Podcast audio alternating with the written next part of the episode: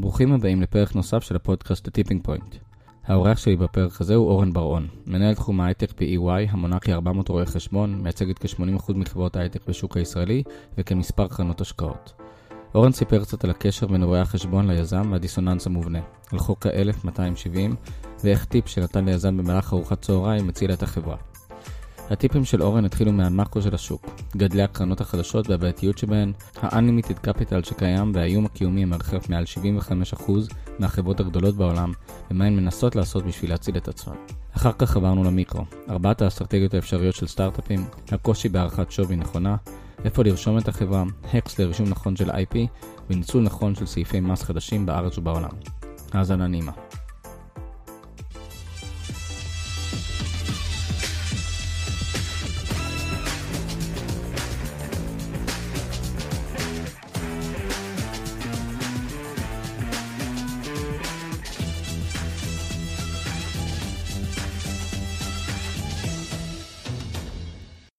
שלום אורן, בוקר טוב, מה נשמע? בסדר גמור, שמח להיות פה.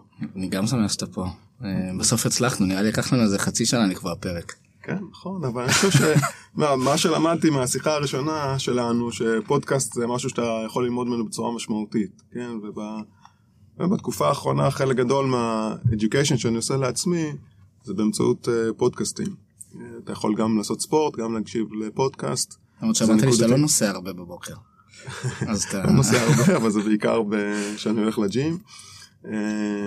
ואתה מסוגל לעשות שני דברים ביחד, אז זה בהחלט תורם, אתה מרגיש שזה מפתח אותך, זה נקודתי, זה מעניין, ו-casual כזה, אז התחושה היא טובה, ואני שמח לתרום את חלקי לפודקאסטים. לקהילה ולמאמץ. בהחלט.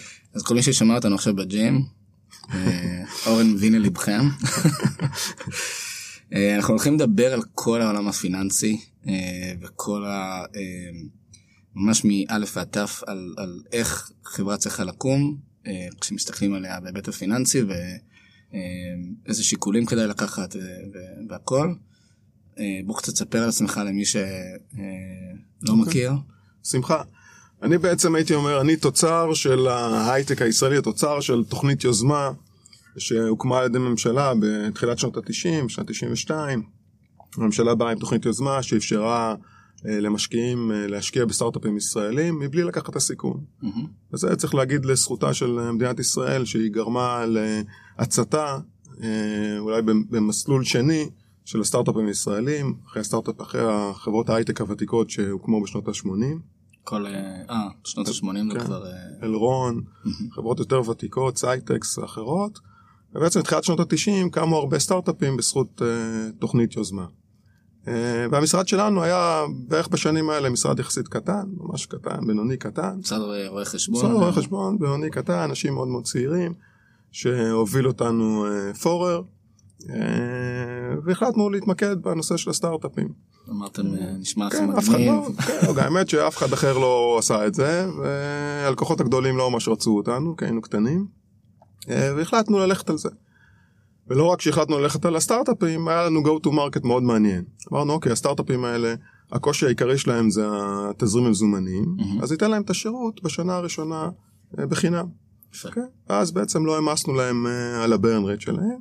יצרנו קשר מצוין עם היזמים, ונוצרה אחווה וכבוד אה, וזיכרונות טובים של היזמים מהפגישות הראשונות האלה. אז היית עוד מהצוות שהקים את זה במשרד ההוא? הייתי חלק מהצוות הזה, כן, הצטרפתי, לא נעים כבר להגיד, אבל הצטרפתי לפני הרבה מאוד שנים, אני לא רוצה להגיד בדיוק את השנה, אבל זה הרבה מאוד שנים, ולא הובלתי את זה בזמנו, הוביל את זה בחור בשם עופר שגב, שעזב אה, אה, בתקופת אה, התפוצצות הבועה, אה, אבל בהחלט הייתי חלק מהעניין הזה.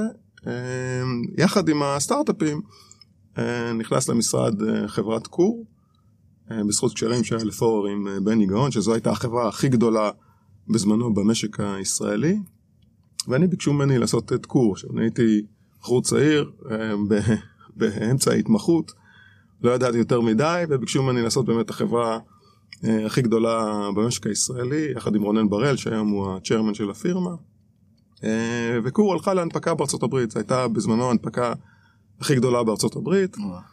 ואני נסעתי איתם פעם ראשונה בחיי לאמריקה, זו הייתה הדרך שנסעתי לארצות הברית, ולמזלי זו הייתה חברה גדולה, נסענו כולנו ב business class, ולא רק זה, נכנסתי פעם ראשונה ללאונד של ה business class, ופתאום קוראים אורן ברון, אורן ברון, באתי לפקידה, ונתנו לי upgrade למחלקת, למחלקת פרסט. אז הנסיעה הראשונה שלי לאמריקה הייתה בפרסט. איזה יופי, ככה מטוסים נראים. כן. לא חזרתי לשם מאז, לפרסט, אבל בהחלט זו הייתה חוויה מדהימה, שבעקבותיה, אחרי החיבור של, בזמנו המשרד שלנו עם ארנסטן יאנג, בשנת 94, אחרי ועידת מדריד, והחלום על מזרח תיכון חדש, התחברנו ל-EY, ושנה לאחר, לאחר מכן, אחרי שהצלחנו לעשות בהצלחה את ההנפקה של קור, עברתי לארה"ב לשנתיים, לניו יורק, ופיתחתי שם את מערכת הקשרים שלנו עם, עם EY, שעד היום מחזיקה בצורה משמעותית. זו הייתה תקופה מדהימה מבחינתי, אני מחלק את החיים שלי לפני ואחרי. שם הכרתי את, את אשתי, שעבדה בסקדן אפס, גם נשלחה לעבוד במשרד עורכי דין. באמת, הייתה תקופה מדהימה, אז עשיתי דברים שלא האמנתי שאני יכול לעשות בגיל ההוא. זו הייתה תקופה שהרבה חברות ישראליות הגיעו להנפקה בארצות הברית, mm. אז הרבה גופים אמריקאים רצו את הקשר עם גוף כמו EY, שהצליח להביא את החברות החדשות להנפקה בארצות הברית. בהחלט תקופה מדהימה, ב-98 חזרתי כשותף, הקמתי צוות חדש של הייטק, המשרד היה בצמיחה מאוד מאוד מהירה, כי כבר אז הבינו אנשים שאנחנו אוהבים את הסטארט-אפים, הסטארט-אפים הגיעו אלינו כמקום הבחירה הראשוני שלהם, mm-hmm. ויחד עם קבוצות נוספות במשרד, המשכנו לעשות את אותה אסטרטגיה. להתחבר לסטארט-אפים ביום הראשון, עם היזמים, לתת את השירות הזה ליזמים בתחילת הדרך, לגדול יחד איתם באותו go to market של אה, אה, באמת מחירים נמוכים מאוד בתחילת הדרך. והסוף של הסיפור שאנחנו צמחנו לאט לאט, היום אנחנו כבר בין 70 ל-70 ל-80 אחוז מהחברות אה, מגובות הון סיכון, אנחנו רואי החשבון שלהם, שזה וואו. נתון מדהים, כאילו אין כזה דבר בעולם. ארנסטן יאנג בכל מקום בעולם נותן את ישראל כדוגמה באמת להצלחה בתחום הזה של הסטארט-אפים, והכל נובע מאותה אסטרטגיה של תמיכה ביזמים בתחילת הדרך, להיות מתחת לאלונקה שצריך, ולהיות, אני קורא לזה, ככה אני אולי מגדיר את עצמי, זה רואה חשבון עם אינטליגנציה רגשית משמעותית, כאילו לא רק רואה חשבון קלאסיים, אלא רואה חשבון אינטליגנציה רגשית, כי יזם החיים שלו קשים, זה מניה, דיפרסיה, כן. לא פשוטה. יש עכשיו את ה... לפני איזה שנה, שנתיים, יצא את הסרט הזה עם בן אפלק, שהוא רואה חשבון, שהוא גם מתנקה, שנה, יש לו גם איזה הפרעת ADHD משהו, קיצר. בדיוק אני עוד לא שם, לא שם. הוא עשה לכם אבל בדיוק את התדמית ההפוכה אבל בסדר. אבל בהחלט אני חושב שזה היכולת להצליח במקצוע ואני חושב שזו הסיבה שהמשרד שלנו הצליח זה באמת היכולת שלך להתחבר גם לעניין הנפשי של הלקוח שלך כן יהיה זה יזם CFO מנהל זה אנשים שהם בסוף הדרך אנשים שהם בודדים ורוב האנשים שמדברים איתם יש להם אינטרסים נוספים. כשהוא מדבר עם רואה חשבון אין לנו אינטרס, האינטרס שלנו שהוא יצליח, כן? אם יש לך את ההבנה גם של ההבנה הנפשית של הבן אדם ומתי להגיד לו את הדבר הנכון ואתה מבין שיש דברים שהם נכונים ברמה אבסולוטית אבל מה לעשות היזם לא יכול לקבל אותה. כי לדוגמה גם אם נגיד אנחנו רואים שאנחנו בתקופה קשה וקשה לגייס כסף וצריך לעשות צמצומים גם אם התשובה הנכונה היא תעשה צמצומים הוא לא יכול לעשות את הצמצומים האלה, mm-hmm. כי זה משפיע על העובדים שלו, זה משפיע על הביטחון העצמי שלהם, זה משפיע עליו אולי ביכולת לגייס uh, כסף נוסף. כן, אז אתה צריך להבין בדיוק את הסיטואציה שלו, ומתי אין לו ברירה שאתה חייב להגיד לו, תשמע, פה אתה חייב לעשות את זה. Mm-hmm. ויש מקומות שאתה באמת צריך uh, לנסות לעזור לו ולהבין גם את הנקודת מבט שלו, ולהקשיב, ולהבין שהוא לא יכול תמיד לקבל את העצה המקצועית שהיא פיור נכונה, mm-hmm. כי נקודת המבט שלו היא הרבה יותר הוליסטית. ועם הזמן למדתי את זה, בהתחלה כעסתי שלא קיבלו את העצה, כי ברור שהעצה הזאת היא נכונה, כן. אבל עם הזמן אתה לומד שגם אם העצה נכונה, קשה לו לקבל את זה, כי נקודת המבט שלו אה, זה אחרת. זה אותו דבר למשקיעים. גם משקיע, שאתה נותן לו את העצה הנכונה, ברור שיש לו אינטרסים שונים ומנוגדים לפעמים, ולכן הוא... גם אם הוא מבין מה שאתה אומר, קשה לו לקבל את העצה והוא פועל בצורה מסוימת. יש את, קוראים לזה אפקט או תסמונת איקאה, אתה מכיר את זה? שאומרים שאתה קונה דברים באיקאה ואז אתה מרכיב אותם ואתה מאוד מתלהב מהם. ואז שמישהו אחר בא באותם אז הוא אז הדעה שלו היא, היא הרבה יותר אובייקטיבית הוא אומר לך זה, זה כן. לא כזה יפה כמה זה עלה לך 200 לא הייתי משלם על זה 100. כן. אה, אז אתם בעצם כל הזמן נמצאים בדילמה הזאת כי כי בא אליך איזה יזם והוא מראה לך את ה baby שלו והוא מאוהב בו ומוכן אה, לעשות הכל ואתה אומר לו תשמע אתה צריך לקצץ במשהו. ו... נכון, זה תפקיד לא קל, ויש אבל מקרים שבאמת, אה, יזמים זה, זה עם מיוחד, כן, ויזם אף פעם לא יכול לקבל את העצה שהיא נכונה לכולם. יזם לא חי בקופסאות. היתרון של יזם, מתי אני מזהה יזם טוב, שאוקיי, אתה אומר לו את הבנצ'מארק, אתה אומר לו מה צריך לעשות, אבל הוא פתאום מוסיף לך איזשהו הדג' נוסף מסוים שלא חשבת עליו, כן? ואתה רואה את זה אצל מנהלים טובים, שהם לא מבינים בתחום של פייננס כלום, כן? הוא כאילו בכלל לא בא מהעולם הזה. אתה מסביר לו את הנושא, הוא מבין אותו, והוא מוסיף לך עוד נקודה מסוימת ש... שלא חשבת עליה, כן? כן? לי זה נוסף לניסיון חיים שלי, כן? אוקיי, הנה זו הנקודה שהוא הוסיף לי, אבל הוא הוסיף נקודה שהיא מתאימה לארגון שלו, והוא יודע לפעול נכון בארגון שלו, כן? ה... אני קורא לזה האהבה הזאת בין היזמים uh, לארגון שלהם, זה רק הם יכולים להבין את זה, כן? כן. Uh, ובאמת, אתה, אתה לומד עם הזמן, כאילו, למרות שאתה, יש לך יותר ויותר ניסיון, התשובה הנכונה היא בדרך כלל אצל אה, היזמים הנכונים, אתה צריך להדריך אותם, לתת להם את הגיידנס, את הכיוון, אבל הם יודעים באמת את התשובה הנכונה לארגון שלהם. ואני חייב להגיד, גם שאת, שזה ברור להם שזה מה שצריך לעשות, קיצוצים, אני אוהב את הדוגמה הזאת, בשנת 2008, ישבתי עם יזם שבאמת אה, הייתי איתו מתחילת החברה, הקמנו ממש את החברה ביחד, הקים את זה במשרדים שלנו. והיה לנו קשר, יש לנו עדיין קשר מעולה, כן? קשר טוב מאוד. אה, והחברה הלך לה מצוין, וזה בן אדם שידע למכור את ה vision של החברה הזאת, ותמיד יש פער בין ה vision לבין התוצאות בחברות כן. האלה. תמיד היזם יודע לספר vision הרבה יותר טוב מאשר אה, התוצאות, כן. והוא חייב להמשיך למכור את ה vision הזה, כי זה מביא לו כסף, זה מביא לו שווים יותר גבוהים, זה מביא לו עובדים יותר טובים. וכשהגיע 2008, אה, הוא המשיך למכור את ה vision והיה פער באמת בין ה vision לבין התוצאות. ישבתי איתו בארוחת צהריים בעזריאלי, ב Crowne Plaza, ואמרתי לו, שמע, אתה חייב לעשות משהו. בוא, אני סופר איתך עכשיו את החודשים. אתה, יש מצב שאתה, החברה לא קיימת, אין לך, לא תצטרך לגייס כסף. יש לך פה 250 עובדים, וואו. אנחנו לא מחזיקים מעמד. כן, עכשיו, הם היו במשרדים מדהימים, כן? הכל עבד כמו שצריך, כולם, הכל נוצץ. באמת, זה סיפור שאני לא אשכח אותו, הוא יצא מארוחת צהריים, כן, עלה למשרדים שלהם, והחליטו על תוכנית קיצוץ אה, וואו. בחברה מיד, כן, והוא מספר, זה לא אני מספר, הוא מספר שבאמת אה, הצלתי את החברה, אה, והחברה נמכרה אחר כך במעל 300 מיליון דולר, אבל ללא הקיצוץ הזה הם לא היו שורדים. מדהים. הם ליטרלי לא היו שורדים, כי עוד פעם, ליזמים יש את האמונה שהכל יהיה בסדר. אתם מסתכלים זה, זה הטבע של איזה, הוא מסתכל רק על כן. הפוזיטיבי, כן? אה, ותמיד כשאתה אומר לו משהו שהוא נגטיבי, הוא יודע איך לנקות אותו ולראות את זה בצורה פוזיטיבית. אז זו דוגמה עוד פעם, שהוא ידע שזה הזמן הנכון לעשות את זה. הייתי צריך לתת לו את הטריגר הקטן הזה. גם אתה בא עם מספרים, וזה... כן, כן, הם מכירים, הם מכירים הכל, הם מכירים, אבל לפעמים גם זה הנושא של הטראסט. עד כמה הוא באמת מאמין שאתה רוצה את טובתו, וזה משהו שאתה צובר לאורך שנים, אתה לא יכול להיות uh, יועץ שמגיע לרגע, גם אם התשובה שלך נכונה, וזה כבוד שאנחנו בונים עם היזמים האלה מתחילת הדרך, והפגישות הראשונות איתם זה הפגישות שהם תמיד זוכרים. כן, כן זה פגישות סופר קריטיות. אה, וזה נהיה יותר ויותר קשה כאשר יש יותר קרנות הון סיכון, והרבה יותר יועצים ואנשים עם ניסיון, מה התפקיד שלך באמת. ואני חושב שהתפקיד של, של שותף טוב במשרד רואי חשבון, שמצליח לייצר קשר טוב עם יזם, זה השיחה שיש לו בצד השני מישהו שהוא אה, נטול אה, אינטרסים לחלוטין, כן? אה, הוא חשוב לו רק הצלחת החברה. אבל בעולם כזה באמת שהוא הופך להיות מאוד רווי, שיש לך המון קרנות והמון אנג'לים ו...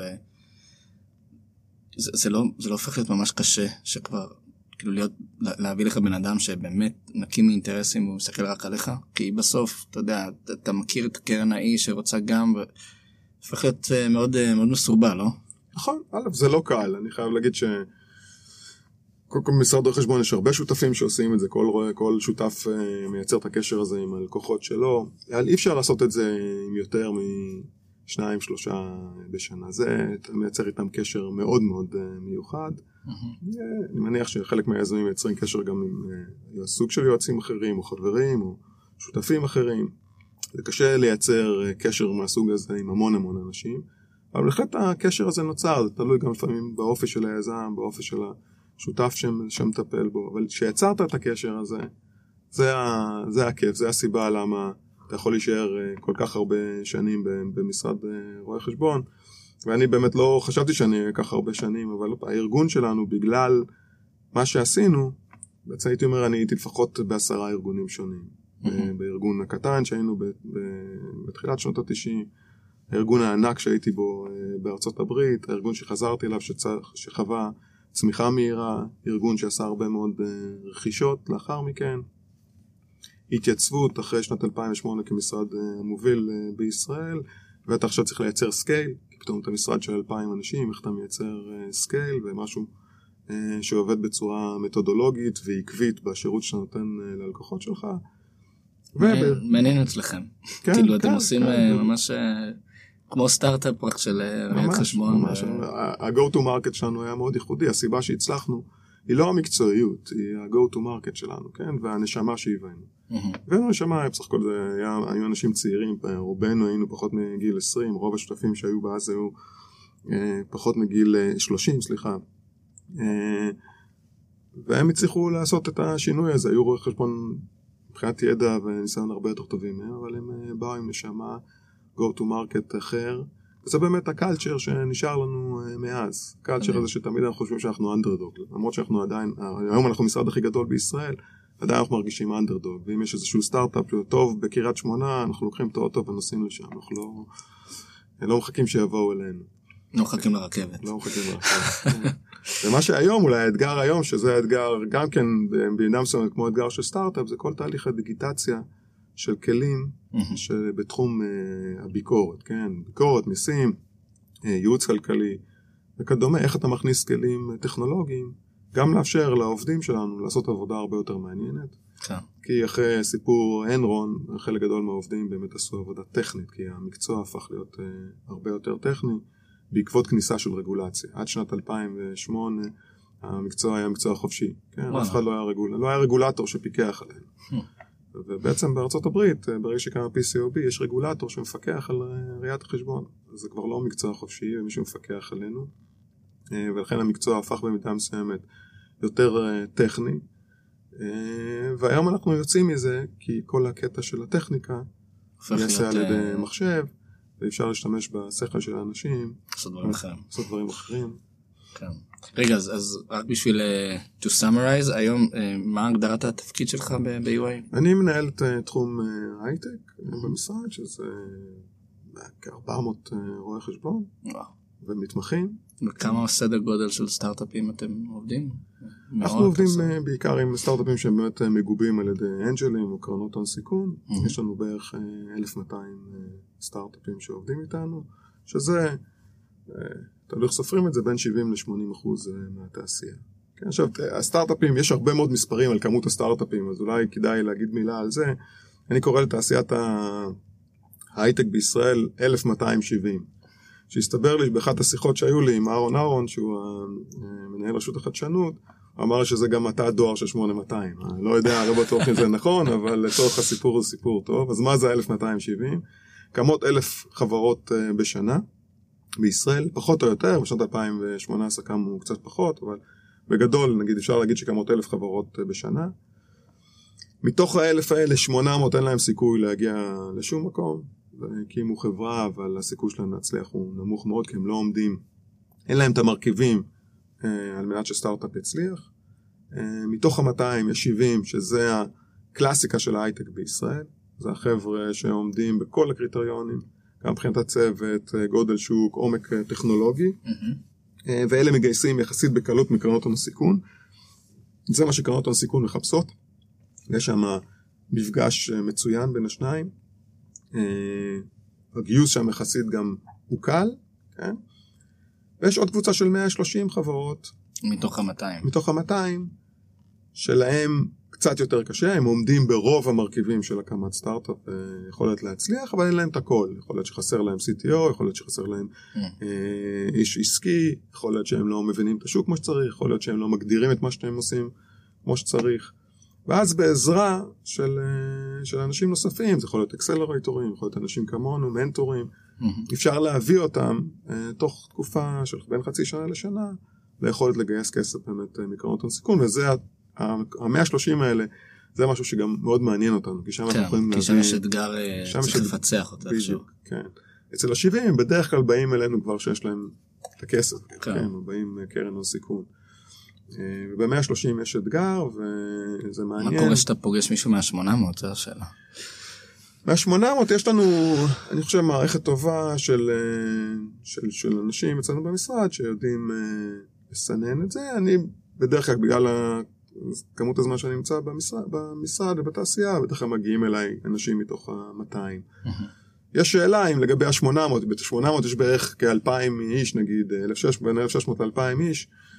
שרצים על משהו עם סיכוי מאוד מאוד נמוך להצליח פה, והשאלה אם זה פוגע בפריון או בכל זאת עוזר במשהו כי הם מתלמדים במשהו כן. מסוים, יכול להיות שיעזור להם בסטארט-אפ הבא, אבל אין ספק שזה אלפיים איש שהיו יכולים להיות בתוך ה-200 המובילים או ה-70 המובילים, עם רמת אה, פריון אה, הרבה יותר גבוהה. כן, אומרים אבל ש... אתה יודע שבסוף השכר לימוד שאתה משלם בלהקים סטארט-אפ, בעיקר אם נכשלת, הוא שווה יותר מכל תואר אחר שתעשה, אז אה, יכול להיות שהם, שהם באמת, הפריון שלהם מאוד נמוך בתקופה הזאת, אבל אולי הם יוצאים חכמים יותר כן, מכל הדבר הזה. אגב, אני מבין אותם, מבחינתם יש גם infrastructure אה, מעולה לאנשים האלה, כולל אקסלרייטורים. כן. וגופים כמו WeWork, Mindspace, שמאפשרים להם לעבוד בסביבה מאוד נעימה. ואין סיבה לא לנצל את איזה היתרון של אולי של הדור הזה, mm-hmm. שיכול לאפשר לעצמו לעשות דברים אה, מעניינים, כן, כן אה, בלי לחשוב על קריירה ארוכה, כמו שאולי הדור שלי עשה. זה אחלה, זה, זה מומלץ, אבל אני מנקודת מבט שלי, שאני מסתכל על, על קבוצות מסוימות, אתה רואה מה חסר להם, כן, ואני לא יודע להגיד אם הם יצליחו או לא יצליחו, אני יודע להגיד אם הם פונדבל כן או לא. Mm. כי אני רואה גם את המשקיעים, אנחנו רואים חשבון של רוב קרנות הסיכון, אנחנו חיים, הסיכון, אנחנו חיים איתם, ואתה רואה מה הם רוצים, כן, ומה הם מחפשים. Mm-hmm. כן, אז זה, זה טוב שהם מנסים, זה יכול לעזור להם גם לכוון את עצמם לקראת דברים אחרים, וגם חלק מהם בסוף הדרך uh, מצליחים. כן, אבל זה, זה סטארט-אפים, זה למצטיינים. Hmm, כן. זה לא עסק לשמונה ולא לתשע, זה עסק רק לעשר. כן, כן ואלה הם... A-players. כן, זה A-players, אלה אלה שמצליחים. עכשיו, זה לא רק הגיוס, זה באמת דבר מאוד מאוד מורכב להקים חברה. זה מאוד מורכב, כמות הבעיות שאתה מתמודד איתם היא אדירה. כן. אני לא יודע איך היזמים האלה הולכים לישון בלילה, אבל אני באמת, אחד המבחנים שלי ליזם טוב זה שהוא נרדם מהר. כן? כי אם הוא לא נרדם מהר, אין לו הרבה זמן לישון, כן. יש לו המון המון בעיות ודילמות. לגמרי. אה, לא טריוויאליות, עסקיות, אנושיות, חברתיות, מלא מלא בעיות. הוא לוקח מלא סיכונים. הוא משחק משחק אה, בחלק גדול מהיום, והוא צריך ללכת לישון עם כל הדבר הזה. אז אם אתה מישהו שאתה, קשה לך ללכת לישון, זה כבר מבחן טוב אולי שאתה, זה לא מתאים לך. כן. בוא ננסה את זה. אולי זה טיפ. תמדוד זמן כמה זמן. אה, עכשיו זה בסדר לישון מעט. חלק גדול מהיזמים המוצלחים שעבדתי איתם ישנים מעט, 3-4 שעות. אבל הם נרדמים מיד, באמת, זה pattern, הם נרדמים מיד. היה לי פה את אה, דוב מורן, שיש לו אפליקציה כזאת שעוקבת אחרי השינה שלו. זה היה מחריד. כאילו הכי, המספר הכי גדול שראיתי באפליקציה היה חמש. אבל באמת. מעניין אם הוא נרדם מהר, אני בטוח שדובי נרדם מהר, כי הוא יזם מאוד מוצלח, אבל אה, באמת זה... זה מעניין, תמיד אני שואל את זה את היזמים ואתה רואה את העקביות בעניין הזה. כן, כאלה שנרדמים מהר הם, אה, הם כן. יזמים טובים. אז בוא ננסה קצת אה, באמת לפצח את כל הבעיות האלה ש, שאמרת שאתה, שהיזמים צריכים זה. ואמרת לי גם לפני שפתחנו את המיקרופון שאתה רוצה רגע לדבר על, ה, על המקרו, כי כדי ש... שאנשים יבינו קצת את כל השיקולים שהם בעיקר פיננסים כי, כי אתם מגיעים מהעולם הזה אבל, אבל זה משהו שמאוד חשוב שמן סתם יזמים יכירו אה, כל אחד וה... אה, לאן שהוא מכוון את הסטארט-אפ שלו. כן. כן אז אולי אה, מילה למקרו כי בסך הכל שואלים שואלים אותי הרבה אם אנחנו נמצאים בתקופה של בועה ומה הולך לקרות. אז תשובה שאני חייב להגיד רגע כן. נכנסנו פה למשרד הקומה הייתה ריקה, ודיברנו על זה שזה מריח כמו בועה, לא הגיוני ש... כן, אז... והשעה לא שבע בבוקר, בוא נגיד ככה. בדיוק.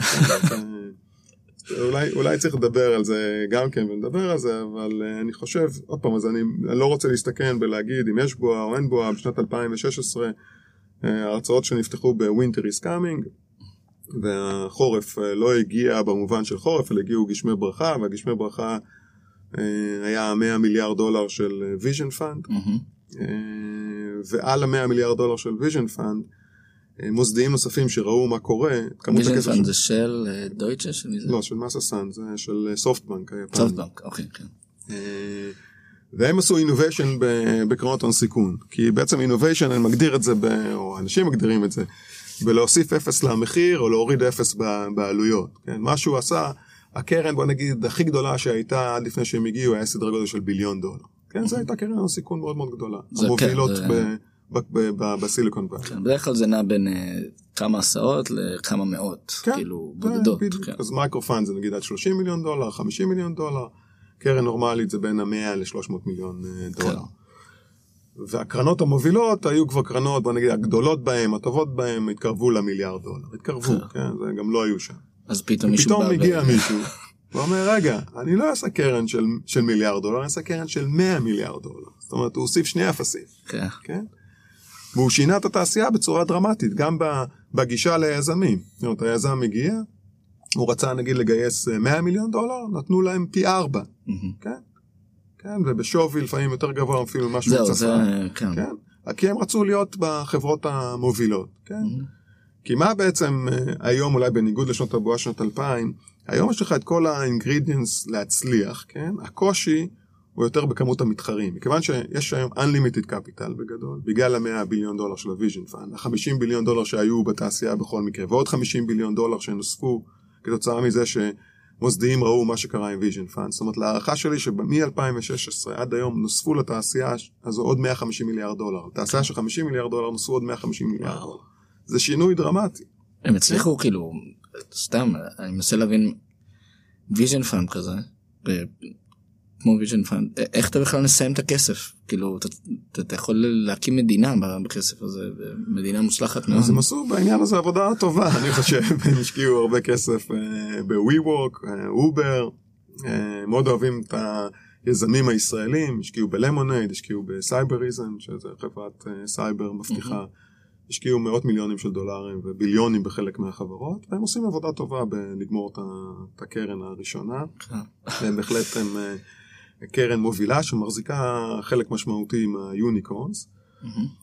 וזה גרם עוד פעם לקרנות המובילות אה, להקים קרנות גדולות ממיליארד דולר.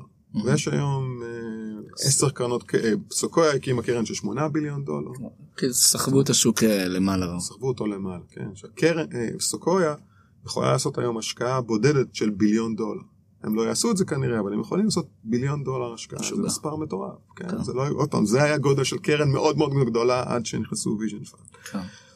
אז uh, הקרן הזו שינתה את התעשייה בצורה מאוד משמעותית, ומה ש... מה שקורה היום אולי זה לא שיש, מח... אין מחסור בכסף, אלא שיש המון מתחרים על כל תחום. Mm-hmm. כן? שלמתחרים האלה אין כמעט מחסור של כסף, כי יש המון כסף בתעשייה ביחס לכמות החברות הטובות, המון כסף שרוצה להגיע ל-late stage. והחבר'ה האלה מתחרים אחד עם השני, הם צומחים, אבל כולם בגדול מפסידים, זאת אומרת, זו כלכלה מוזרה כזאת, שיש צמיחה אבל אף אחד לא מרוויח, ולא מדברים על רווחיות. כן. אפילו הקרנות private equity, שתמיד אה, השקיעו רק בחברות רווחיות, יורדות למטה להשקיע ב... שנקרא growth capital, לא ב-seed ב-growth capital, ב-late stage, ומוכנות לקבל את העובדה שהחברות האלה לא מרוויחות. גם השוק הציבורי, דרך אגב, בשנתיים האחרונות למד לקבל חברות שאינן אה, מרוויחות, זאת אומרת, מספיק שהן אה, צומחות. כן, אה, אנחנו רואים את זה לא מעט, לא אזכיר פה שמות, אבל יש, יש לא מעט חברות ש...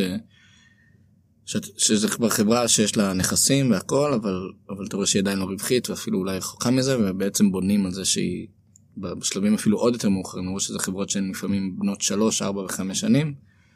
אתה אומר, הם מתישהו יתחילו להרוויח, כי המודל אמור להצליח. בדיוק. כן, אבל כעת זה לא סוסטיינבל, כי כולם מפסידים uh, הרבה כן. מאוד כסף, ובגלל שיש באמת כסף uh, בלתי מוגבל, אז מחזיקים, מחזיקות מעמד עם כמות של מתחרים כמעט בכל תחום, אפשר לראות שיש חמישה-שישה מתחרים משמעותיים. והקושי יהיה באמת שכמות הקפיטל, כמות ההון שיש זמין לחברות האלה, mm-hmm. יקטן, ואז יהיה באמת המבחן האמיתי של החברות האלה, איך הן יכולות לשנות את עצמן מקלצ'ר רק של צמיחה לקלצ'ר של רווחיות.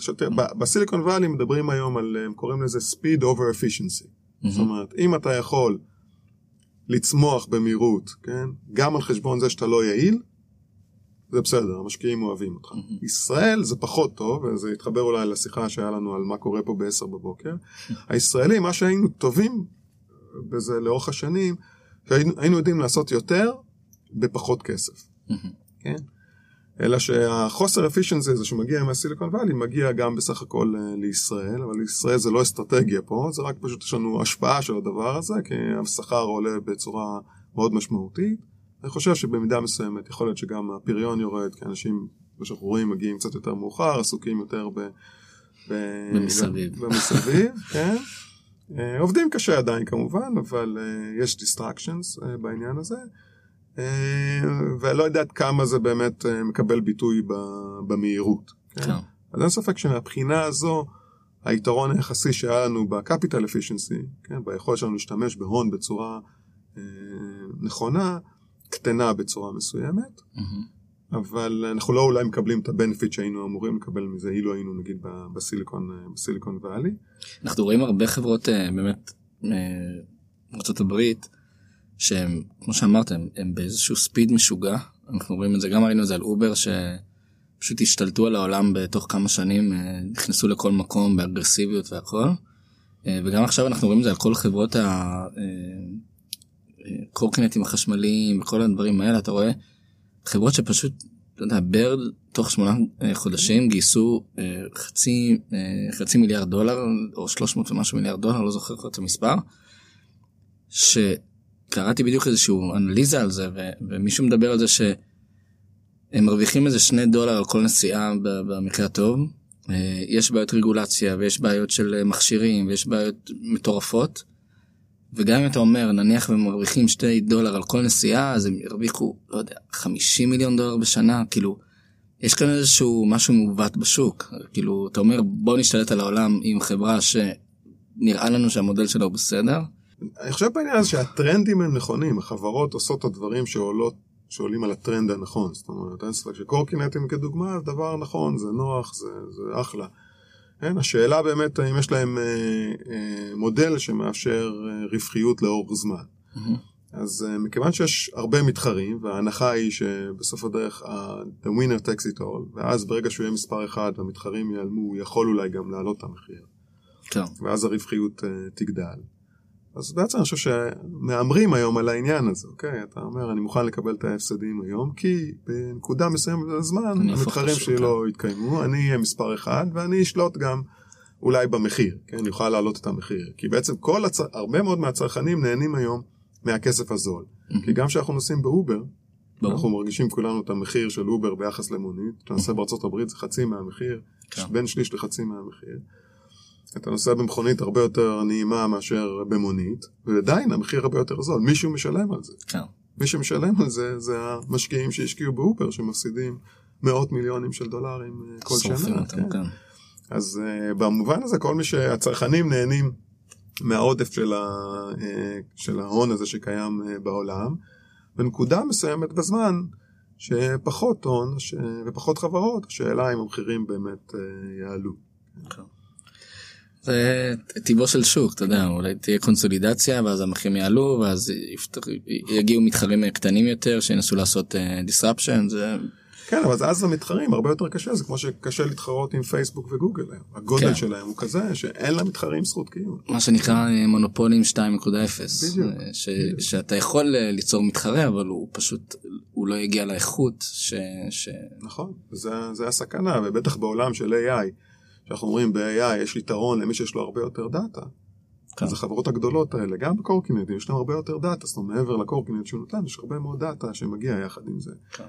יחד עם ה-AI, פתאום יש לו יתרון הרבה יותר uh, משמעותי על מישהו שמתחיל uh, מאפס. כן. כן, אז uh, זה יהיה to be seen, כן, המבחן שלנו יהיה באמת מה קורה שיהיה פחות capital, ושיהיה פחות הון.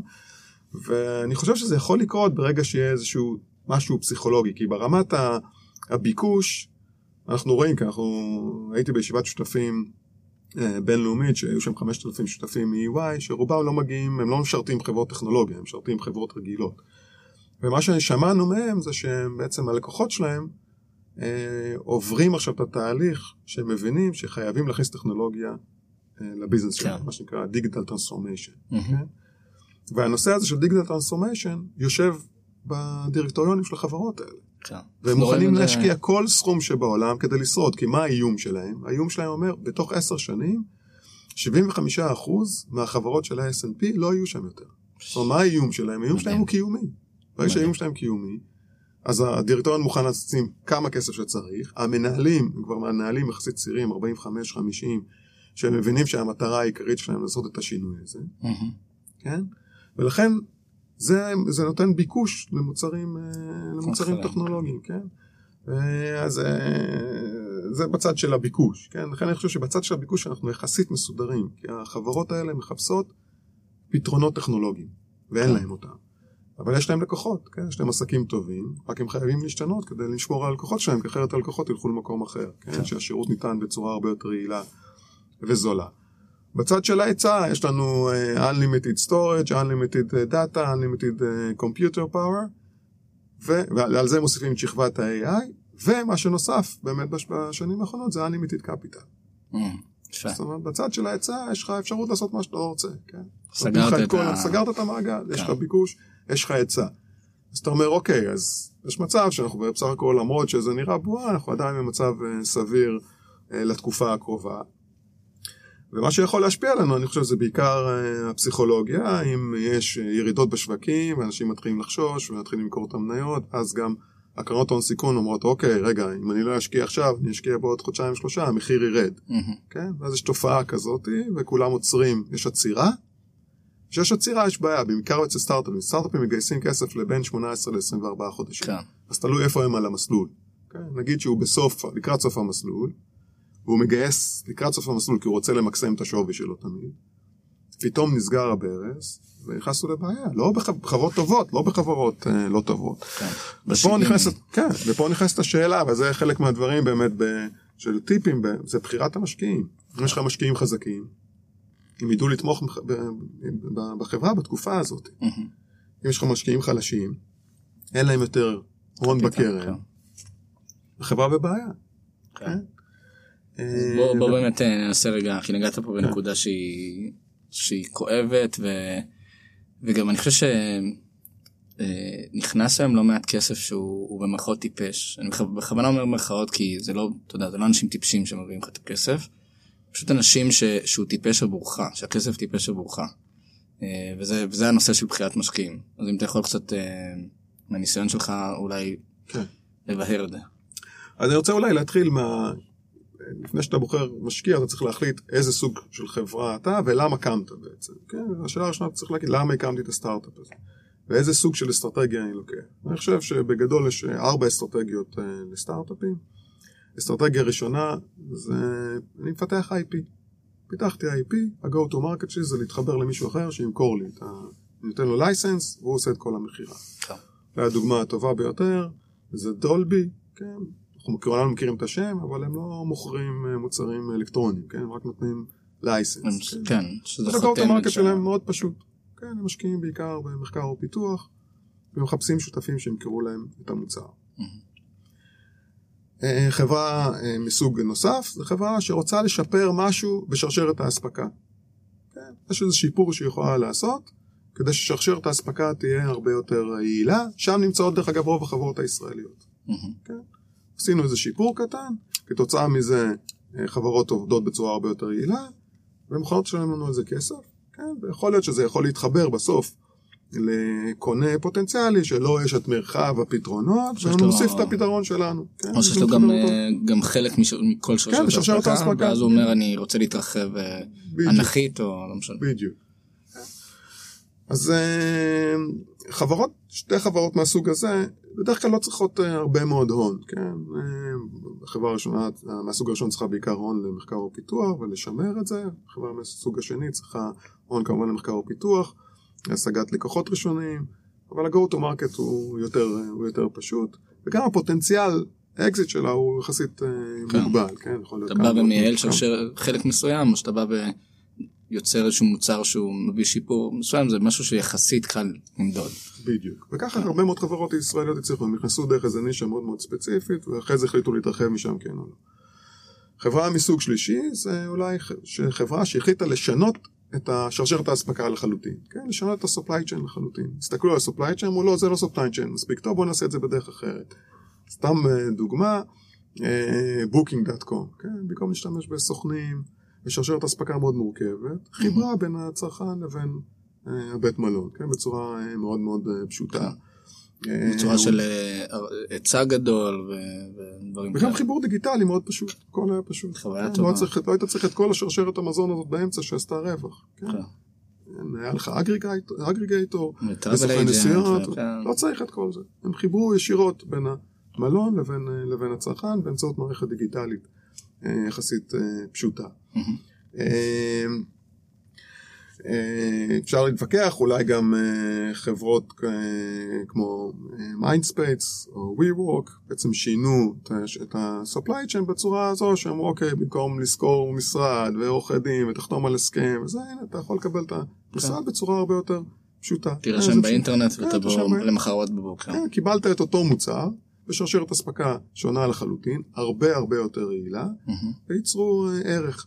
עכשיו, זה מצריך כמובן הרבה יותר כסף, כי אתה משנה קונספט, אתה משנה שיטה מסוימת שאנשים עבדו לפיה. כן. כן, אתה צריך להשקיע הרבה מאוד uh, בברנדי. כן. Mm-hmm. גם אנחנו רואים יותר ויותר uh, תהליכים כאלה עוברים את הדיגיטציה הזאת, ואז באמת uh, כבר אין לך חדשנות יותר מדי. זאת אומרת, בכל הנושא הזה של open spaces, ש- שעכשיו זה הופך להיות uh, משהו מאוד נוח, אז הייתה באמת חברה שבאה ופיצחה את זה, אמרו, לא צריך יותר עורכי דין וללכת ולראות מקומות וזה, בוא יש לנו משרד, הכל מוכן, רק תשב. ואז הם פיצחו את השוק הזה, ועכשיו אין לך יותר מדי אה, חדשנות עד שלא יודע, נגיע לאיזשהו... אה, עד שמישהו יפצח אולי לסופליי צ'יין חדש. כן. והחברות, החברה מהסוג האחרון, שזה בעצם מה שאנשים מחפשים, או קרנות אה, הון סיכון המובילות מחפשות, זה מי שעושה disruption לחלוטין, זאת אומרת הוא תופס את ה-incumbents, כן, את האלה שעושים את העסקים עכשיו, בצורה מפתיעה, כן. Mm-hmm. ואפשר להגיד את זה על אובר, כן, הוא, גם. הוא שינה גם את שרשרת האספקה, כן. כן, כי אתה כבר לא מתקשר ל... אה, פעם היינו מתקשרים להזמין אה, מונית, כן, כן. אתה כבר לא מתקשר אליו, אבל גם הוא הציע לך לא רק מוניות, הוא הציע רכבים פרטיים, כן. כן.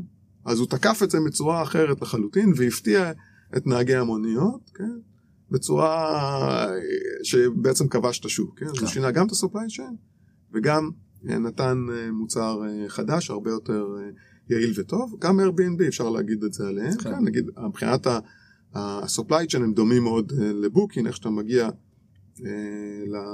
למלון, במקרה שלהם לדירה, אבל נתנו לך מוצר אחר, זה הדירה, זאת אומרת הם השפיעו על הבתי מלון, כן, כן הם תקפו אותם, הם תקפו אותם, יש להם, הפתיעו אותם במשהו. כן. אגב, אפשר לראות את זה בזה שחברה כמו Uber, מבחינת המספרים שלה, היא, היא ממש יצרה שוק. זאת אומרת, נכון. היה את שוק המוניות, שהוא ערך ב, לא יודע, כמה מיליארדים, אני לא, לא בקיא במספרים, ואז ראית ש-Uber, כשהם נכנסו, השוק הזה מבחינת המספרים גדל. זאת אומרת, אנשים אמרו, אני מעדיף אפילו עכשיו לא רק לנטוש את המונית, אני מעדיף לנטוש את הרכב שלי, או לנטוש את הרכבת, או לא משנה מה, ולהעביר את הכסף שלי לשוק ש, שאובר יצרו. נכון.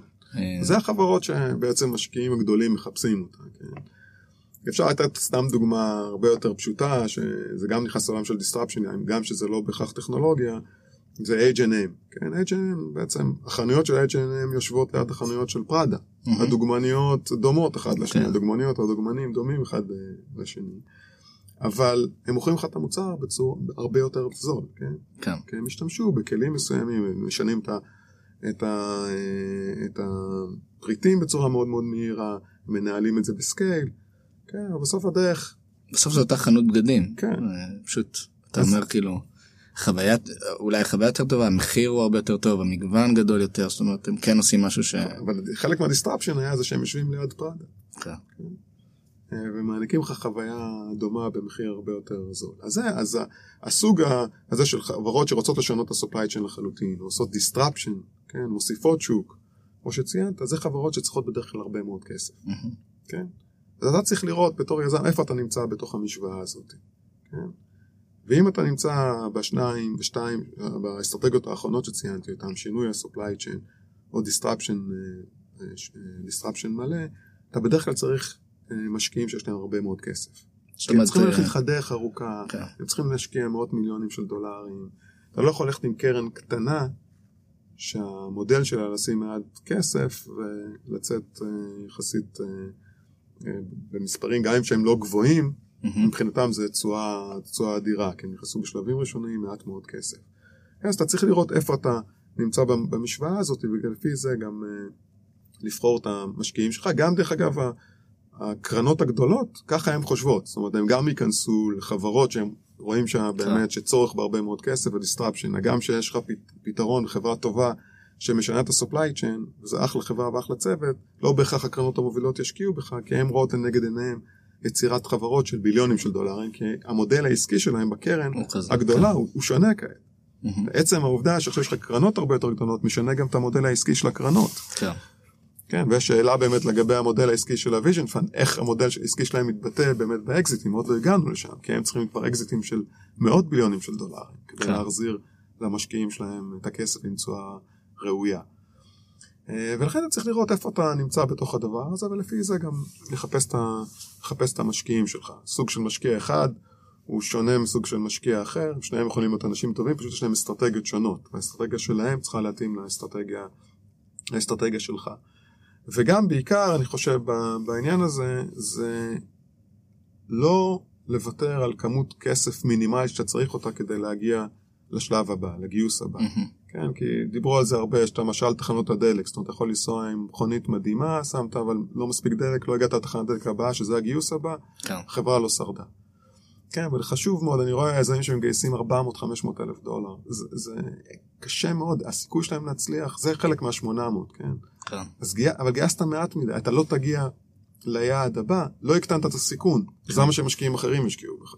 כי לא הקטנת את הסיכון, המשקיע... שלא רצה להשקיע בך עכשיו, ראה רמת סיכון מאוד מאוד גבוהה, ואמר, אוקיי, תתקדם קצת. אם הסיכון יקטן, אני אשקיע בך. לכן הרבה מאוד משקיעים אומרים, אנחנו אוהבים אתכם, אבל תבואו אלינו בהמשך. כן? זה לא שהם לא אומרים את האמת, כן? לפעמים אנשים חושבים שזה לא, לא אמת. שזה לא שזה... מנומס, כן. כן, זה לא עניין של נימוס, אני חושב שהם באמת חושבים שאולי יש לזה פוטנציאל.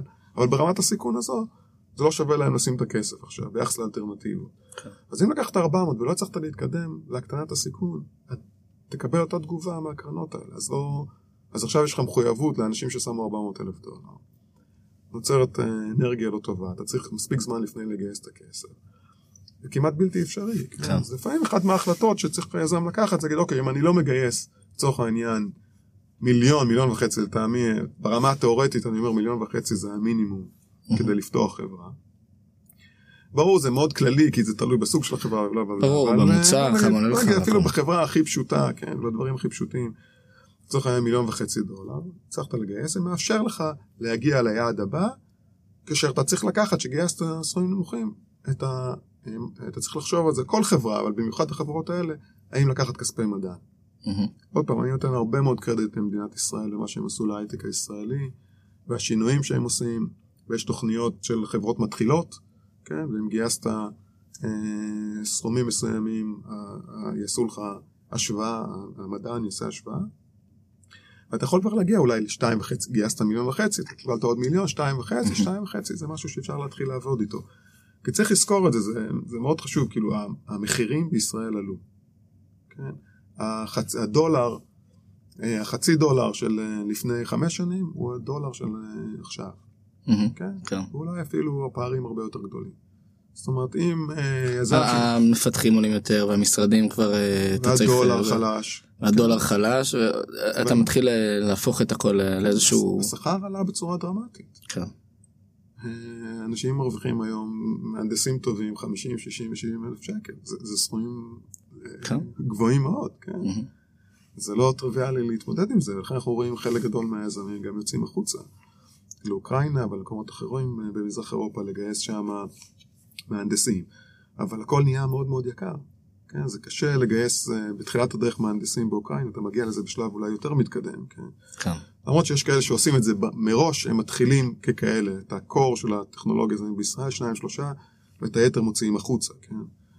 אבל אה, זה, לא, זה בהחלט לא טריוויאלי, ואתה צריך מספיק כסף כדי להגיע ליעד וגם לתקן טעויות. כי אתה לא באמת יודע ב-100% מה אתה הולך לעשות. אתה מתחיל דרך מסוימת וכל הזמן מתקן, כל הזמן מתקן. כל כן. תיקון כזה עולה כסף. אחת הטעויות העיקריות שישראלים עושים זה לגייס את הבן אדם הלא נכון בארצות הברית. כן? זו טעות שיש לכולם כמעט. מגייסים, ישבת מול אמריקאי, כולם נראים לך אותו דבר, מדברים יפה, כן, הם מכירים את כולם, הלינקדאין שלהם נראה מעולה. גייסת אותם. בדרך כלל מראש אלה שהגיעו לרעיון כן. הם לא ברמה הכי גבוהה. יש לי, יש לי חבר שהוא, שהוא מנכ"ל אה, של חברת אה, biomed ו... והוא אכל על זה חצץ, על גיוס בין, אה, מנהל ב general manager כזה בארצות הברית. גם אם הם מגייסים וגם בן אדם לא מתאים. אתה יודע, עד, ש, עד שמצאת את המישהו, זה נשמע כזה באמת, בוא תעשה איתו שיחת סקייפ, הוא נראה סבבה, תמשיך. כל ההד-האנטרים וכל הדבר הזה, עלה לו מעל 100 אלף דולר למצוא את הבן אדם. כאילו אחרי שהוא גייס מישהו ופיטר. ו... אז אני אומר, זה טעות של מיליון דולר, זה 100 אלף דולר אחרי הגיוס. שלושה חודשים ראשונים לא תפסת אותו, כן. קשה לתפוס אותו, הוא יודע למכור את עצמו שלושה חודשים. אחרי שתפסת אותו, אתה לא נעים לך לפטר אותו. כן. זה עוד חודשיים שלושה, שאתה אומר, אתן לו עוד הזדמנות, זה טעות uh, של ישראלים שאנחנו עושים את זה.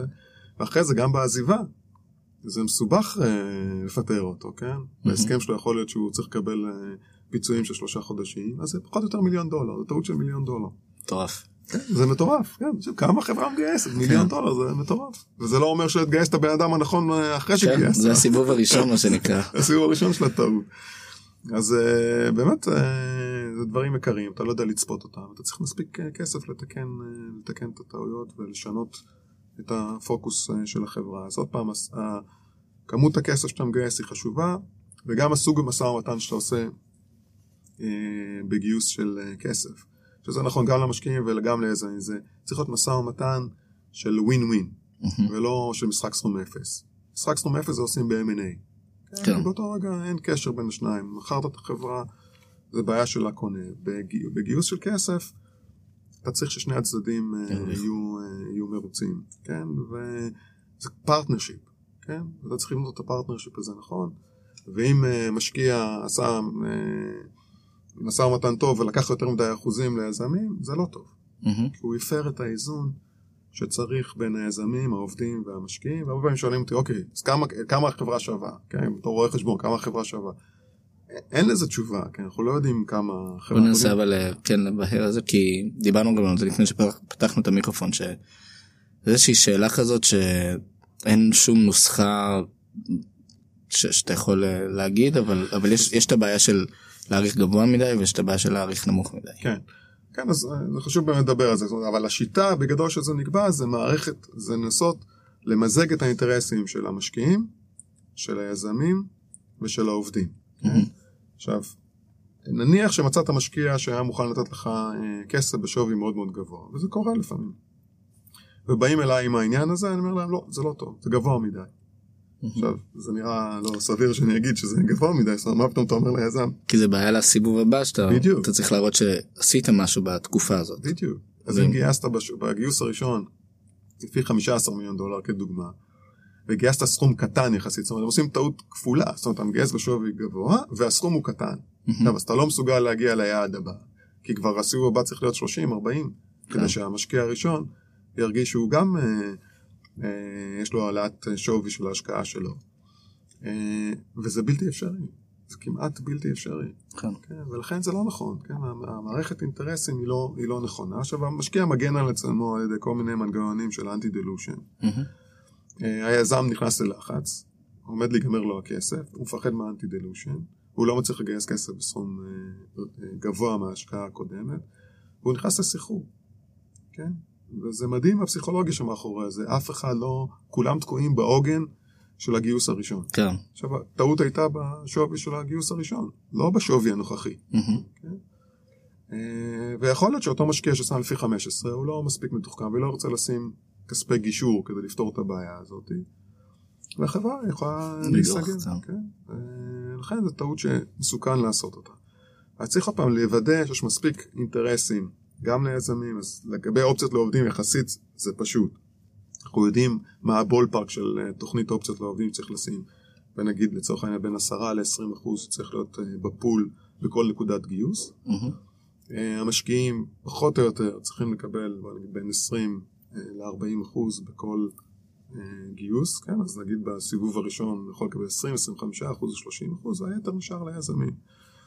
תלוי כמה יזמים יש כמובן, ככל שיש לנו פחות יזמים, לפעמים התוכנית אופציות לעובדים תהיה יותר גדולה. זאת אומרת, יש לנו ארבעה יזמים, אז יכול להיות שהתוכנית תהיה עשרה אחוז, אם יש לנו יזם כן. אחד, התוכנית תהיה בדרך כלל של עשרים אחוז. אה, וככה נקבעת, אה, נקבעים מערכת האינטרסים של כולם, ועם זה יוצאים לדרך.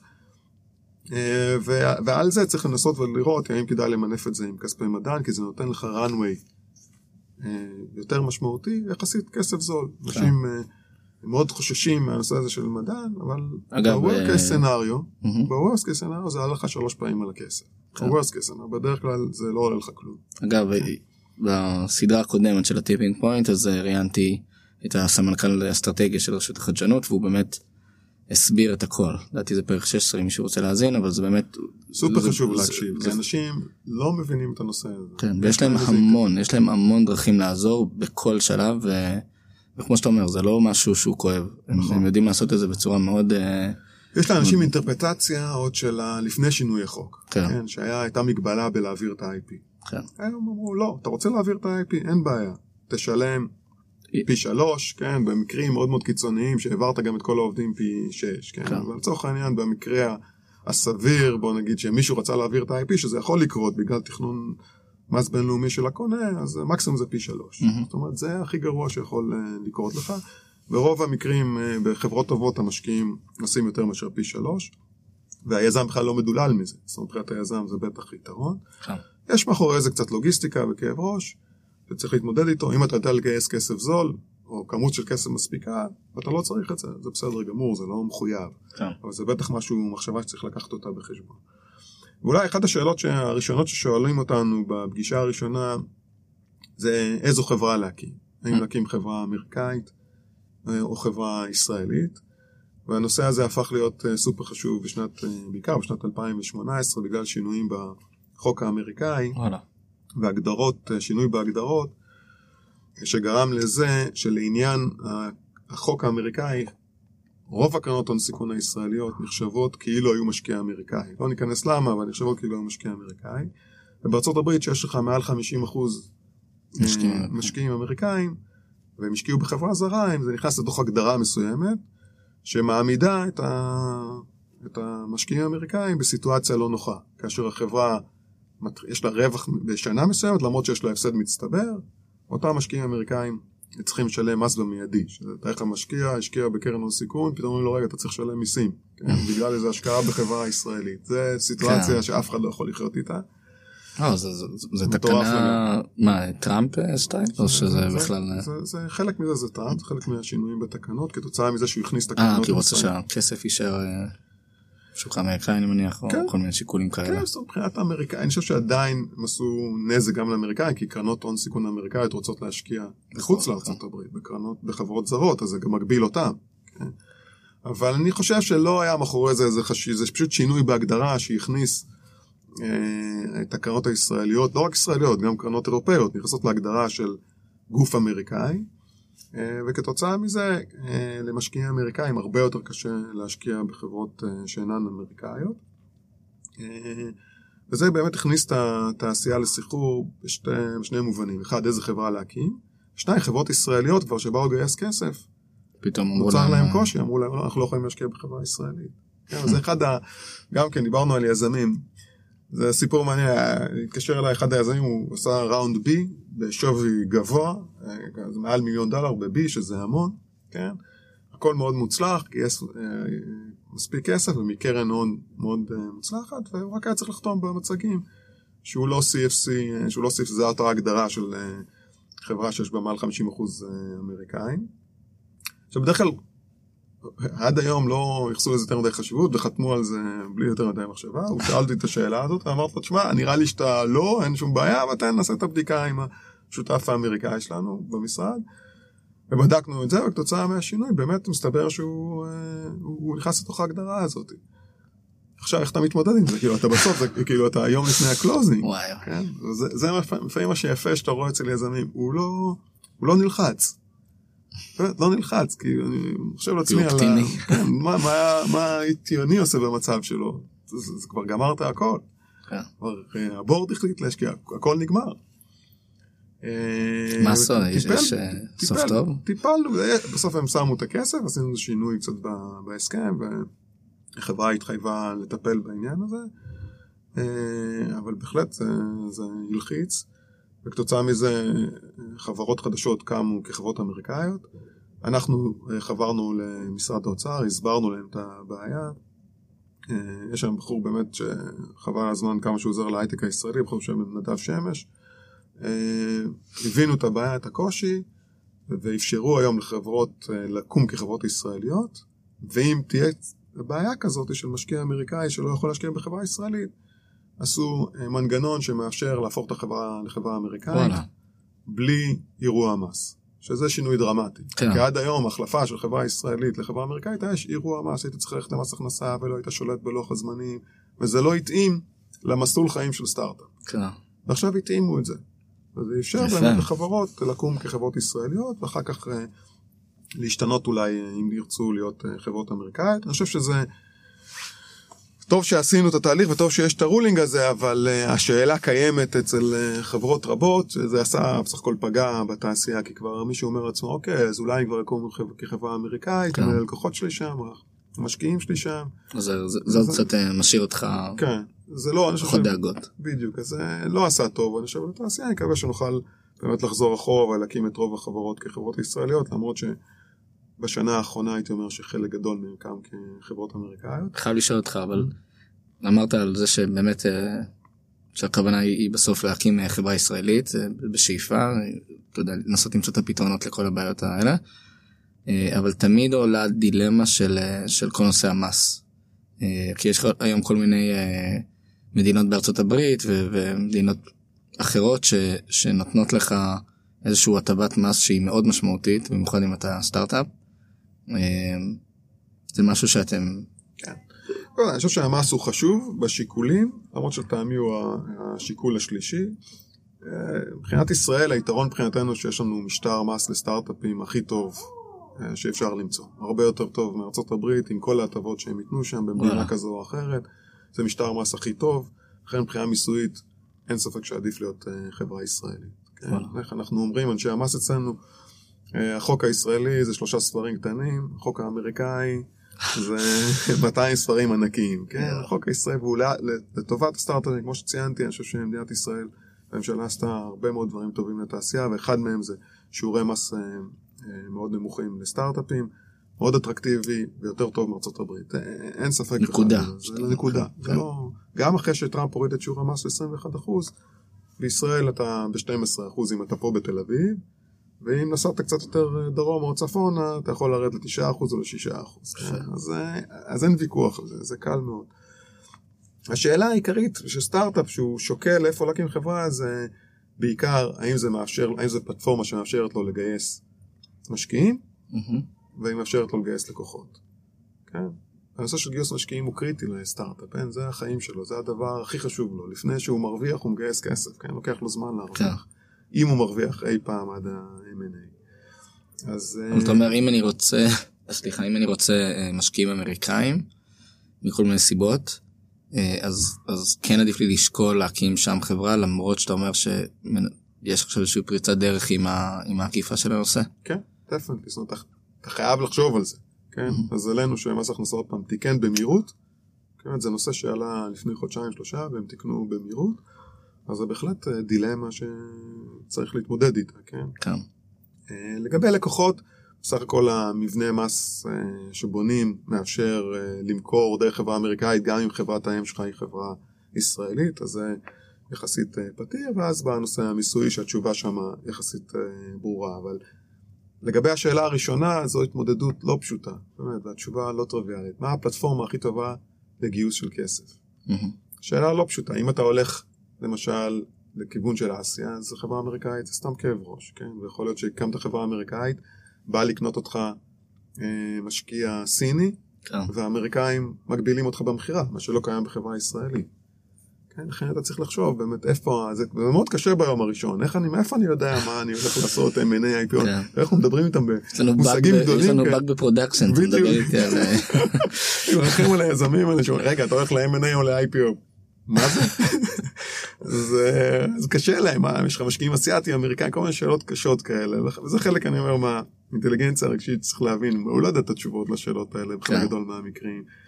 צריך לראות באמת שלוקחים החלטה שהיא נכונה, גם אם היא לא בהכרח אה, נכונה במאה אחוז, אבל היא מתאימה אה, באמת לאירוע הספציפי. אה, וזו שאלה באמת מה שצריך להשקיע במאמץ. לעיתים מגיעים כבר עם חברה לא נכונה, כן. כן, ואז זה קשה מאוד לשנות את זה. אבל זו שאלה מספר אחד שצריך כן. לשאול אותה. זאת אומרת, קודם כל, למה הקמת את החברה, איזה סוג של חברה אתה, איזה משקיעים, ואז, אוקיי, איזה חברה אני מקים. אה, ואחר כך זה איפה אתה שם את ה-IP שלך, איפה אתה שם את הטכנולוגיה. ואז גם כשאתה מקים חברה אמריקאית, אתה יכול להקים חברה ישראלית, חברת הבת, ולשים שם את ה-IP וליהנות ממשטר המס הישראלי. Mm. כן? עם כל המגבלות של משטר מס אמריקאי, כי חברת האם היא חברה אמריקאית, כן. הרבה יותר מסובך.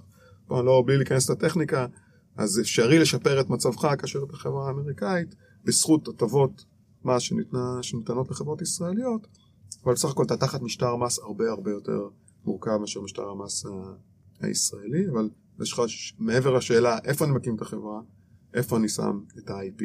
והנה יש לנו חברה ביום הראשון, היזם הגיע למשרד רואי החשבון, גם ככה הוא מבוהל, וכבר יש לו שתי חברות. חברה אמריקאית וחברה ישראלית, אה, עם אה, מערכת של הסכמים ומה שנקרא transfer pricing. פתאום הוא הפך להיות אה, ממנכ"ל של שלושה, זה, יש לו תאגיד. אבל זה חלק מהתפקיד שלנו באמת, להרגיע, היינו בסיפורים, אנחנו יודעים איך עושים את זה, אנחנו נדריך אותך ותתרכז באמת אה, במה שחשוב אה, ב core של החברה. טוב, יפה. אה, יש לך עוד איזה טיפ אחרון ככה למאזינים, איזה משהו כן, אני חושב, מהותי? כן, לא יודע אם זה מהותי, אבל יכול להיות קריטי, בעיקר לגבי יזמים ישראלים שמחזיקים אזרחות אמריקאית, או שיש להם green card. בישראל אתה מקים חברה, קיבלת את המניות, אין שום בעיה, אתה תהנה מרווח הון. אה, כמובן, אם אה, לא פיתחת IP אה, לפני שהקמת את החברה, אבל בהנחה שלא מדובר בדברים משמעותיים והקמת את החברה, אין שום בעיה, הקמת את החברה, אתה מקבל את המניות שלך, ושתמכור את המניות אתה תהיה חייב במס רווח הון, בלי להגיש שום טופס. Mm-hmm. בארצות הברית, שהקמת את החברה, בהנחה שיש לך מה שנקרא reverse vesting, אני חושב שדיברתם על זה באחד הפרקים. כן.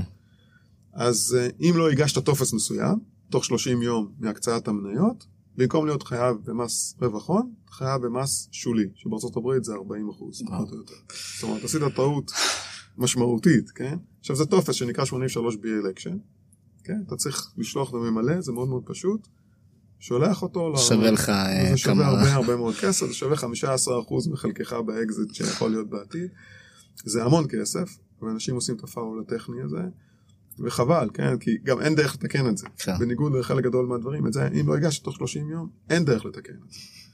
ואנשים עושים את הטעויות האלה. דרך אגב, גם אם יש לך מישהו שהוא יזם אמריקאי, לפעמים יש סיכוי יותר טוב שנמליץ להקים חברה אמריקאית, כי הוא כבר מכניס אותנו לתוך משטר מס אמריקאי מורכב. כן. זאת אומרת, השאלה, לא לפספס, אם אתה אמריקאי, יש לך green card, אל תשכח את זה. זה חשוב מאוד uh, במועד של הקמת החברה. ואולי עוד דבר, uh, שני דברים שזה חשובים, אחד זה הנושא של בחירת היושב ראש. והדירקטוריון של החברה. ברגע שהכנסת משקיעים, זה שותפות, יש דירקטוריון, זה מתנהל כן, בצורה מסוימת, לפעמים הדירקטוריון הולך וגדל. זה בדרך כלל דירקטורים שיש להם הרבה מאוד ניסיון, לעיתים יש להם אגו כזה או אחר, וצריך לדעת לנהל את זה. אם כן. זה לא מנוהל, זה יכול להיות מחסום מאוד משמעותי להצלחת החברה. ויש שאלה שאין לי את התשובה עליה במאה אחוז, האם היזם צריך לוותר על תפקיד היושב ראש, כן או לא. כשהוא יושב ראש הוא מנהל את הדירקטוריון. כן. ואם הוא מספיק חזק, הוא יודע לנהל את הדירקטוריון גם מספיק טוב, אז החלטות יכולות להתקבל בצורה הרבה יותר נכונה, ולא אה, החלטות שהן מתקבלות לצורך ריצוי אה, משקיע או כן, בורד כזה או אחר. כן. כן. וזה מאוד מאוד חשוב. עכשיו, אם מצאת צ'רמן שהוא אה, מבין את זה, שאתה סומך עליו, כן, ורואה את הטובה של החברה בלבד, זה אוצר, אין ספק, כן. וזו נקודה מאוד, אנשים לא מספיק שמים לב לזה, אבל הצ'רמן של החברה זה נקודה קריטית. אז תראה בחברות המובילות, גם בחברות הישראליות, שהיזמים היו אה, מאוד מהותיים והחברה מאוד הצליחה, היזמים היו היושב ראש במשך תקופה מאוד מאוד ארוכה, כולל שהחברה הייתה ציבורית. Hmm. רק כתוצאה מלחצים של, אה, בעיקר של corporate governance, לעיתים הם ויתרו על התפקיד הזה, זה תפקיד מאוד מאוד חשוב. הדבר הנוסף, מעבר ל-board member שמקיפים אותך כיזם, בקבלת ההחלטות, בגלל עוד פעם שלעיתים יש אינטרסים שונים כבעל מניות וכבורד ממבר, חשוב שיהיה לך קבוצה של מנטורים או advisory board שילוו כן. אותך. בכל אחד מהתחומים, ב finance, ב marketing, בפיתוח, כל עוד צריכים אותך שישה שבעה כאלה. יש לך נושא, אתה צריך להתייעץ עם מישהו, תרים טלפון למישהו שאין לו באינטרסים אה, של כבעל מניות בחברה. כן, אנשים שאתה סומך עליהם. כן, ואתה צריך לבנות את זה. הם צריכים להיות אה, מן הסתם, אתה אומר שהם כל אחד צריך להגיע גם מתחום מסוים, אבל, אבל הוא גם צריך להגיע מדיסציפלינה מסוימת עם, אתה יודע, הרקע המתאים אה, שרלוונטי אליך. אם אתה עושה עכשיו חברה סטארט-אפ בתחום הביטוח, אז כדאי שיהיה לך, אתה יודע, marketing שעבד שנים בתחומים כאלה וכאלה. ברור, ברור, במקרה אתה צריך את ה domain expertise הספציפי כן. הזה, אבל נגיד בתחום של, אה, יש הרבה מאוד בעיות שהן גנריות, עוד פעם, הן בעיות שהן פסיכולוגיות, שאתה צריך לפעמים מישהו שיסתכל על זה מבחוץ ויגיד, אוקיי, זו הבעיה של הבן אדם הזה, בואו בוא נפצח את הבעיה הזו, היא לא בעיה עסקית, היא בעיה מסוג אחר. אה, צריך לשחרר את הבעיה הזו. לפעמים יש משקיעים, נגיד, שהשקיעו בתחילת הדרך ורוצים אולי למכור, ומשקיעים אחרים לא רוצים למכור כי הם רואים איזשהו שווי שאפשר ליצור. איך אפשר לפתור את זה? הקושי שלו, אולי אפשר לפתור את זה באמצעות סקנדריז. יש כל מיני פתרונות. סך הכל זה בעיות שאנשים כבר חוו אותן. כן. בעבר יש לנו מספיק ניסיון, התעשייה שלנו היא יחסית ותיקה. והמנטורים האלה זה דבר סופר חשוב. זאת אומרת, מעבר לבורד שמלווה אותך, שהוא חשוב, צריך להיות לך גם את ה... מנטורים, לא מנטורים, זה advisory board, אנשים שאתה מרגיש שאתה בנוח להתייעץ איתם ולגלות להם את האמת. כן? כן. זה האנשים היחידים שכנראה תגלה להם את האמת, כי אתה לא יכול לגלות לעובדים שלך ולבור תמיד את האמת. כן, ואתה צריך, יכול לגלות, לגלות להם את האמת בלי, בלי, בלי לחשוש, כן. כן. כן, וזה, קשה למצוא את האנשים. advisory board, כן, זה כן. אתגר לא פשוט. כן, זה אנשים מסוג מסוים שאתה מרגיש איתם ממש בנוח, כמו הפסיכולוג שלך לצורך העניין, שאתה יודע שזה לא יכול לצאת uh, מהחדר. כן. אני, אני שמח לפחות שבחלק מהמקרים אני משתמשים בי בתפקיד הזה ואתה מציג להם את הסיטואציה בצורה מסוימת, אתה נותן להם את המראה של הסיטואציה ואיך אולי אפשר לפתור את זה. באמת זה אולי הסיפוק הכי משמעותי שאני חווה לפחות בליווי של סטארט-אפים. ודבר נוסף אולי, אולי טיפ נוסף זה הנושא של המדידה הרציפה של התוצאות של החברה. Mm-hmm. כפי שה benchmark מגדיר אותה, כפי שהתעשייה מגדירה אותה, אני יכול בעולם של ה SaaS יש הרבה מאוד נגיד מדדים שכולם מודדים שהם ב SaaS, ומדדים שהדירקטוריון כן. החליט או שאתה כהנהלה החלטת, זה המראה של החברה. תמדוד את זה תמיד, כן? תמדוד. כן, ואתה תוכל, אה, לא תמיד המדדים הם הדבר הכי חשוב ל vision של החברה, אבל זה חשוב. זה יעזור לך להבין את ה... זה חשוב לך להבין באמת, ויעזור לך להבין מה קורה בחברה, לטוב ולרע, וכולם מתכנסים גם, בסופו של דבר, אלה המדדים שהם חשובים. טוב, אורן, היה... הערת כמה אה, נקודות אפלות בעולם הסטארט-אפים. אה, זהו, המון המון תודה. נתראה. מקווה שנהניתם מהטיפים של אורן. רוצים לשמוע עוד על רשות החדשנות? אני ממליץ לכם לשמוע את פרק 16 עם אורי גבאי מהסדרה הראשונה שלנו. תודה רבה לרייז על האולפן והרוח הנפלא. מוזמנים לשתף את הפודקאסט ולהירשם אליו דרך אפליקציית הפודקאסטים שלכם. נתראה בפרק הבא.